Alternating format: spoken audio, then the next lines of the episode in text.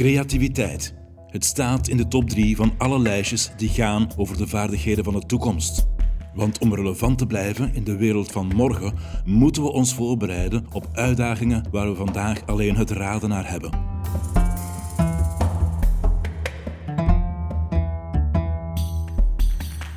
Mijn naam is Walter van der Velde en ik weet wel iets over creativiteit. Met deze podcast wil ik je alle hoeken van de kamer laten zien.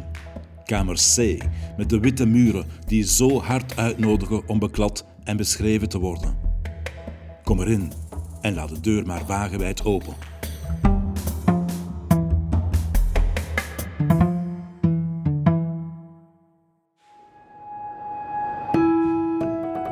Hey en welkom bij de vierde episode van Kamer C, waar ik verder ga met de basisvaardigheden van creatief denken. In de vorige episode had ik het over het uitstellen van je oordeel en de kunst om in alternatieven te denken. In deze episode belicht ik de overige drie vaardigheden.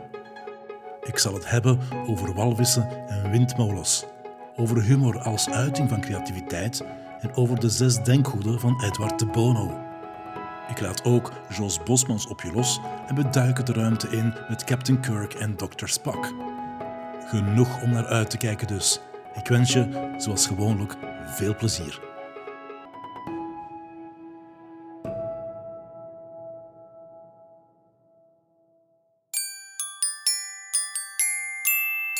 Die walvis lijkt precies op een duikboot. Die walvis lijkt op een duikboot. Dat is goed gezien van kleine Victor. Er is ontegensprekelijk een verband tussen de vorm van een walvis en die van een duikboot. En dat is niet toevallig.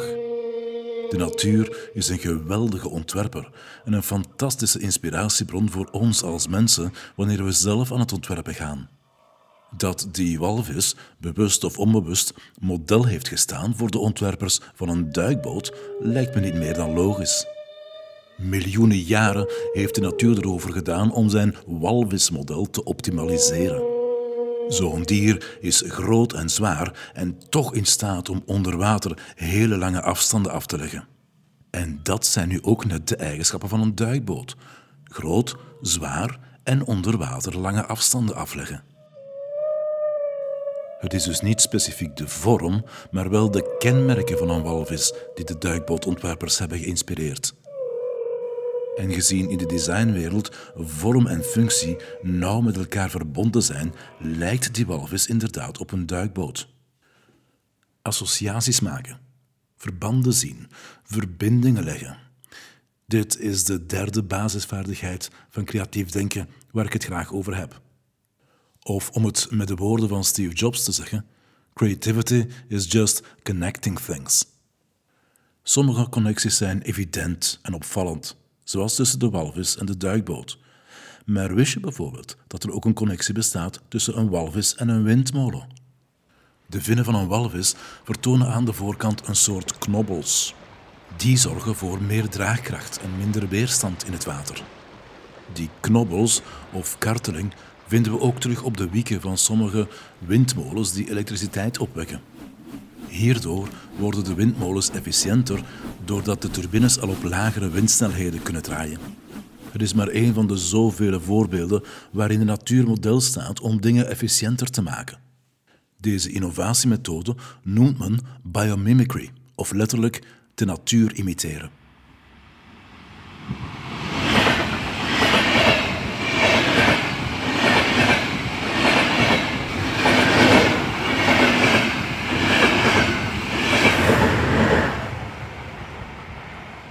Dat was de Bullet Train, of de Japanse hoge snelheidstrein die voorbij zoefde. Telkens die in een tunnel kwam, hoorden de omwonenden een harde knal die het gevolg was van luchtverplaatsing. Een ingenieur kreeg de opdracht om die geluidsoverlast te beperken en hij inspireerde zich daarvoor op de ijsvogel. Die laatste heeft als kenmerk dat hij, wanneer hij in het water vliegt om een prooi te vangen, het water nauwelijks opspat. En dat komt door de specifieke vorm van de snavel. De voorkant van de trein werd naar de snavel gemodelleerd en de knal verdween op miraculeuze wijze. En nog een bijkomend voordeel: de trein gaat sneller en verbruikt minder. Biomimicry dus, de natuur als voorbeeld voor innovatie. En wellicht zal ik hier in mijn podcast een aparte episode aanwijden. Connecting the dots. Verbanden zoeken tussen zaken die ogenschijnlijk met elkaar niets te maken hebben en daar toch een heel nieuw idee uithalen. Ja, coach, allee, ik, ze zegt nu wel niet wat het er scheelt. Maar dat, dat gaat niet komen, daar moet jij niet op wachten. Jij moet meteen in de aanval gaan. Ah, oké. Kom maar. Eh, ja, moet dat nu vanavond? Ik heb er eigenlijk echt geen zin in. Soms heb ik gewoon het gevoel dat jij me niet meer graag ziet. Maar ik zie je toch graag. nu niet naar logica gaan. Hè. Straks kun je geen kant meer op. Kom maar. Frontaal blijven staan, dat is de les. Eh, ehm, Aansluiten. eh, schat, niet overdrijven. Afblokken. Overdrijven. Ik heb u gisteren gezegd... Dat is rationeel zijn, gewoon afblokken. Pff, begint niet, hè. Dat is hem, dat is hem. Echt wel, echt. Blijf van mijn lijf. Zeer goed, Annelies, zeer goed. En nu oude koeien uit de gracht halen, kom aan. En wat jij mij deze zomer gelapt hebt, dat ben ik ook nog niet vergeten. Maar. Oh. Oh. En een rommel op. Ik ben toch uw meid niet? Ah, oh, en door. ik ben niet de enige die het zegt. Wie nog? mijn vriendinnen ook. Vriendinnen. Oh, maar jij begint als uw maat te klinken, hoor. Waar? Voetfout, voetfout, voetfout. Je bent over lijn aan het gaan. Ah, maar ik dacht dat die gele lijn was. Nee, dat is handbal. Ach. Maar het is goed, we gaan afronden. Je hebt dat zeer goed gedaan. Vasthouden. Merci, Volgende coach. Jongens, einde les. Zeer goed. I love you. Dat is een Peace. goed hè? Wat als ruzie maken een sport zou zijn? Dat is het thema van het fragment dat je hoorde uit het komische VTM-programma Wat als. Het is een prachtig voorbeeld van hoe humor ontstaat. En humor is voor mij een van de grootste uitingen van creativiteit. Door het associëren van twee zaken die niets met elkaar te maken hebben: sport en ruzie maken in dit geval. En als je even nagaat, heel wat humor is op deze techniek gebaseerd. Het is een oefening die ik graag met mijn studenten doe wanneer ik praat over het maken van associaties. Je kent ze wel, de raadseltjes. Het is groen en het glijdt van een berg, een skiwi. Het is wit en het kan ontploffen, een boomkool.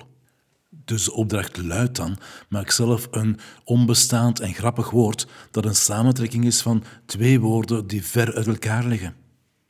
Door dat soort oefeningen ga je mensen stimuleren in het zoeken naar verbindingen en dus in het verbeteren van het creatief denkvermogen. Dat soort oefeningen noemen we een force to fit. Je gaat met andere woorden jouw creativiteit maximaal moeten gaan benutten om verbanden te zien tussen twee of meerdere zaken die niets met elkaar te maken hebben.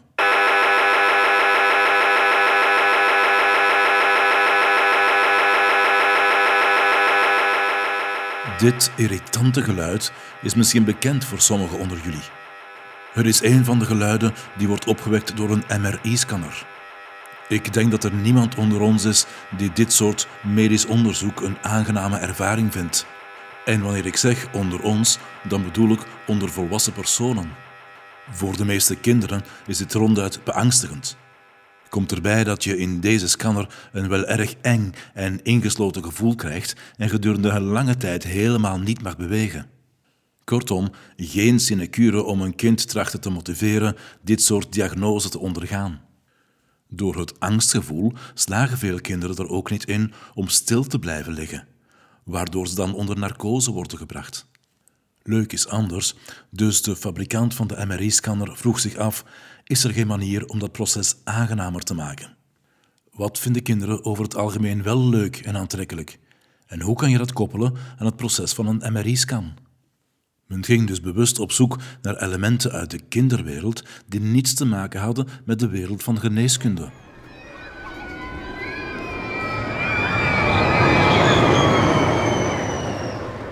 Je hebt het wellicht al geraden.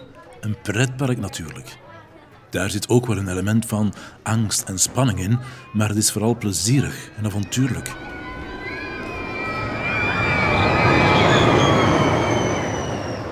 De MRI-scanner werd met folie overtrokken en zag eruit als een piratenschip.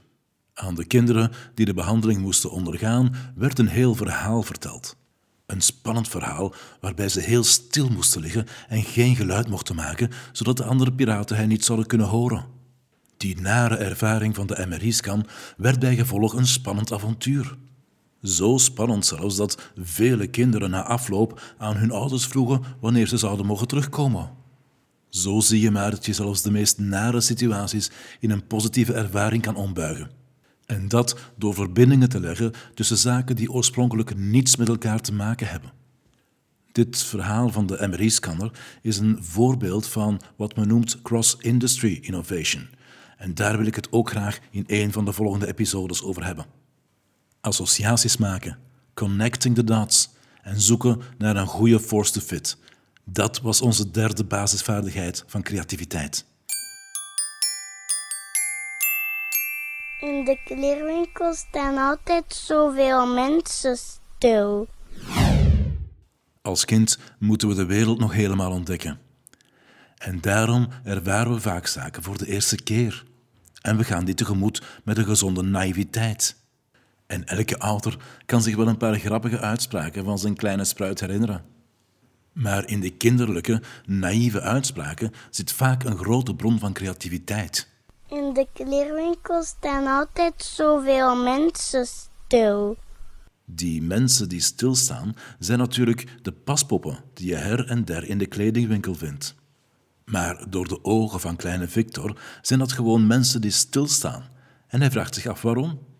En dit soort observaties kan ons op nieuwe ideeën brengen. Waarom inderdaad geen echte mensen plaatsen in plaats van paspoppen om de aandacht te trekken? En misschien kunnen die levende paspoppen jou dan ook meteen advies geven wanneer je hen daarom vraagt. Of misschien houden we het gewoon bij paspoppen, maar die dan op een of andere manier, net zoals mensen, mechanisch kunnen bewegen. Het zijn maar een paar eerste losse ideeën die je uit dit soort kinderlijke observaties kan putten. In vorige episodes heb ik het regelmatig over denkpatronen gehad en het feit dat die bij ons als volwassenen af en toe wel eens vastgeroest kunnen zitten. Wanneer we een plank zien met daaronder vier stokken, dan weten we dit is een tafel. Of althans, dat is het denkpatroon dat we hebben aangeleerd. Voor een kind wordt zo'n plank met vier stokken eronder al snel een huis of een kasteel. Of wanneer je het omdraait, misschien een autobus of een boot. Die denkpatronen durven loslaten en anders naar de dingen gaan kijken. Dat is onze vierde basisvaardigheid van creatief denken. For 2,400 years, we have been using argument as a way of discussing or exploring a subject. Argument is actually a very primitive and inefficient way of exploring a subject. In argument, it's mainly negative, mainly attacking, and there's no constructive effort, no design effort. There is an alternative to argument where everyone at any one moment is thinking in parallel, constructively. This is the six hats. Each hat is a symbol of a mode or direction of thinking. The white hat for information, the red hat for feelings, the black hat for critical thinking, the yellow hat for benefits. De zes denkhoeden van Edward de Bono, en u hoorde de man zelf aan het woord, is een klassieker in de wereld van creativiteit. En meteen een schoolvoorbeeld van onze vaardigheid anders observeren. Het is een methode waarop een vraag of een probleem wordt benaderd vanuit zes verschillende denkrichtingen. En elke denkrichting wordt vertegenwoordigd door een gekleurde hoed. De witte denkhoed staat voor neutraal en objectief. Wanneer je deze hoed draagt, dan bekijk je het probleem vanuit de pure feiten, de cijfers en de informatie. De rode hoed staat voor emotie. Wanneer je die draagt, bekijk je het probleem vanuit een emotionele, intuïtieve kant. De zwarte denkhoed staat voor kritiek en terughoudendheid. De drager van deze hoed zal vooral de negatieve punten van het probleem blootleggen. De gele hoed staat voor net tegenovergestelde: positiviteit, optimisme. De groene hoed staat voor durf en creativiteit. De drager hiervan gaat het probleem dus vooral out of the box benaderen. En tenslotte heb je de blauwe hoed en die staat voor neutraliteit. De drager van deze hoed gaat vooral het proces in goede banen leiden. Het is dus de bedoeling dat elke deelnemer het probleem gaat bekijken vanuit zijn specifieke denkhoed.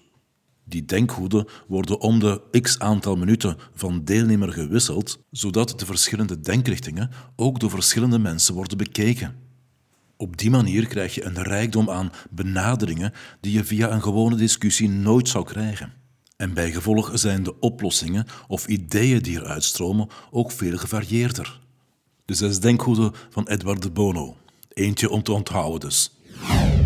As we all know, when something falls from the sky, it can only have come from the gods. Of course, the gods only send good and useful things. However, this time they made a mistake. The gods must be crazy. The unusual story of Key the Bushman as he travels to the edge of the earth to return the god's mistake. A most unpredictable journey. Inmiddels 40 jaar geleden kwam er een Zuid-Afrikaanse film uit die de titel droeg The Gods Must Be Crazy. Het vertelt het verhaal van de Namibische jager Xi, die in de Kalahari-woestijn woont en van zijn stam de opdracht krijgt om een leeg colaflesje terug te geven aan de goden. Nu, dat lege colaflesje was in de stam van Xi terechtgekomen doordat een piloot het uit zijn vliegtuig had gegooid. Die mensen hadden nog nooit een leeg colaflesje gezien en waren bij gevolg met dat object ook niet vertrouwd. Ze gingen ervan uit dat het een geschenk van de goden was, maar wisten niet wat ze ermee moesten aanvangen. En dus gingen ze het voor allerlei zaken gebruiken, behalve natuurlijk waar het voor bestemd was, en dat mondde uit in ruzie binnen de stam. Dus kreeg Xi de opdracht om naar de rand van de wereld te lopen en het terug te gooien naar de goden, en dat is eigenlijk de rode draad van de film.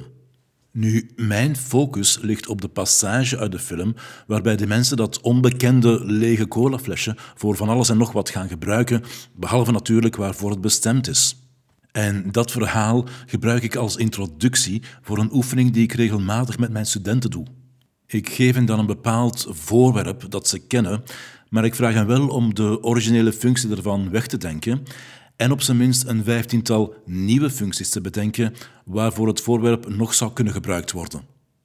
De resultaten zijn vaak heel grappig en origineel, maar het laat hen vooral toe hun creativiteit maximaal te gaan benutten.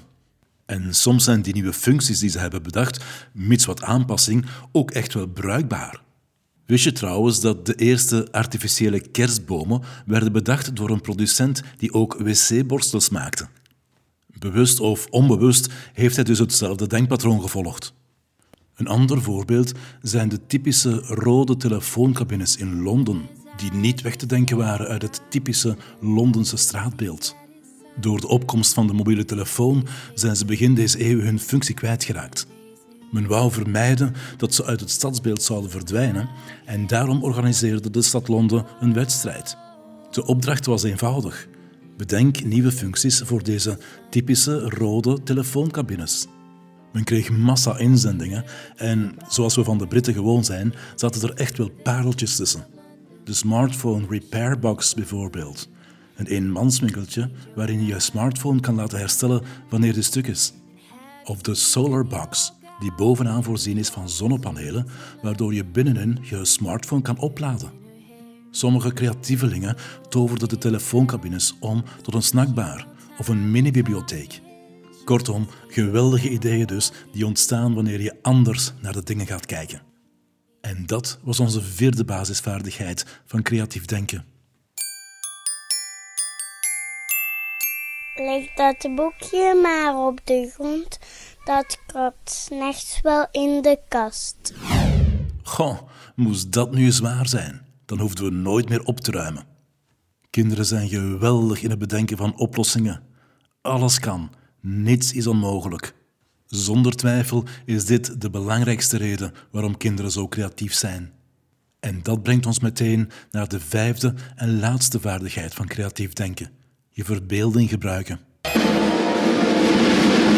Uw presentator is Jos Bosmans, maar dat is of begot in de show van Bosmans. Jos,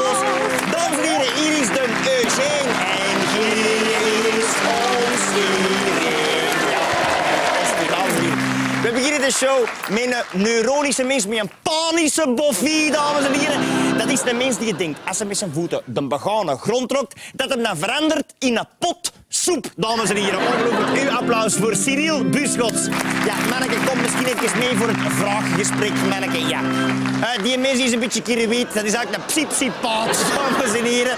Dus die neemt een slag van de molen en op die molen zelf is er dan ook nog eens een vers los. Goed, mateke, kun je misschien even uitleggen? Dus als jij met je voeten de grond rokt, dan veranderde jij in een potsoep.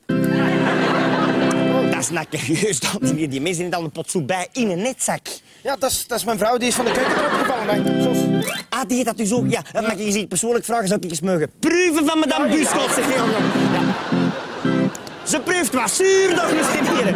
Ja, is die misschien al lang veranderd in de pot? Nee, juist, juist, maar die is altijd een beetje zuur geweest. Ja, oké. We gaan die mensen even opzij zetten, dames en heren. Het wordt tijd voor onze volgende rubriek, namelijk wie zit er in de ingemokte kas? In de ingemokte kas. Ja, dames en heren, van de avond in de ingemokte kas.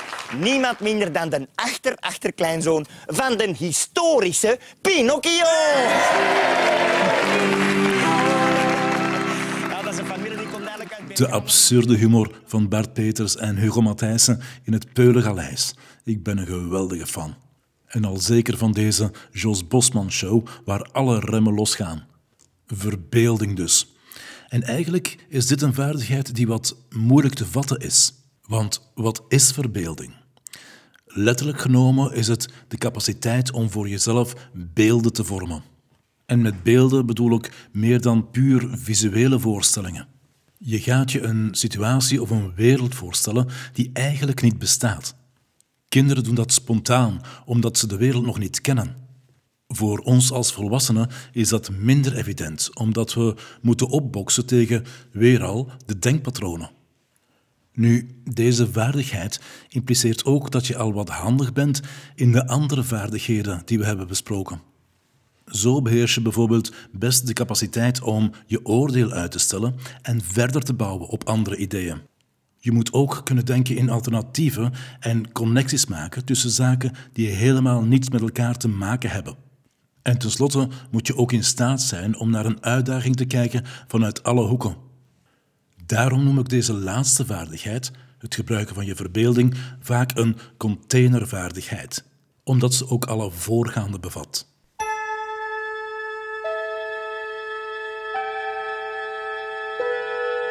Space, the final frontier.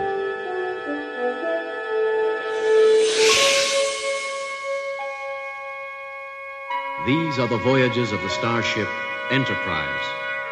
Its five year mission to explore strange new worlds, to seek out new life and new civilizations, to boldly go where no man has gone before. Dit brengt me terug naar mijn jeugdjaren, wanneer ik samen met mijn broer en zus elke week ongeduldig uitkeek naar een nieuwe episode van Star Trek. Captain Kirk en Dr. Spock waren onze helden. To go where no man has gone before. Voor mij een legendarische zin die in mijn geheugen is gegrift. Want dat is nu exact waar verbeelding over gaat. Op plaatsen komen waar nooit iemand tevoren is geweest. Deze laatste vaardigheid komt dan ook bij uitstek in de artistieke creativiteit aan bod. Auteurs van fictieboeken, toneelschrijvers, filmscenaristen, maar ook beeldende kunstenaars, componisten, podiumperformers. Ze brengen ons allemaal naar een imaginaire wereld. En soms moeten we inderdaad durven dromen, de realiteit loslaten om tot nieuwe dingen te komen. Dat is verbeelding, de laatste en meest ongrijpbare vaardigheid creatief denken.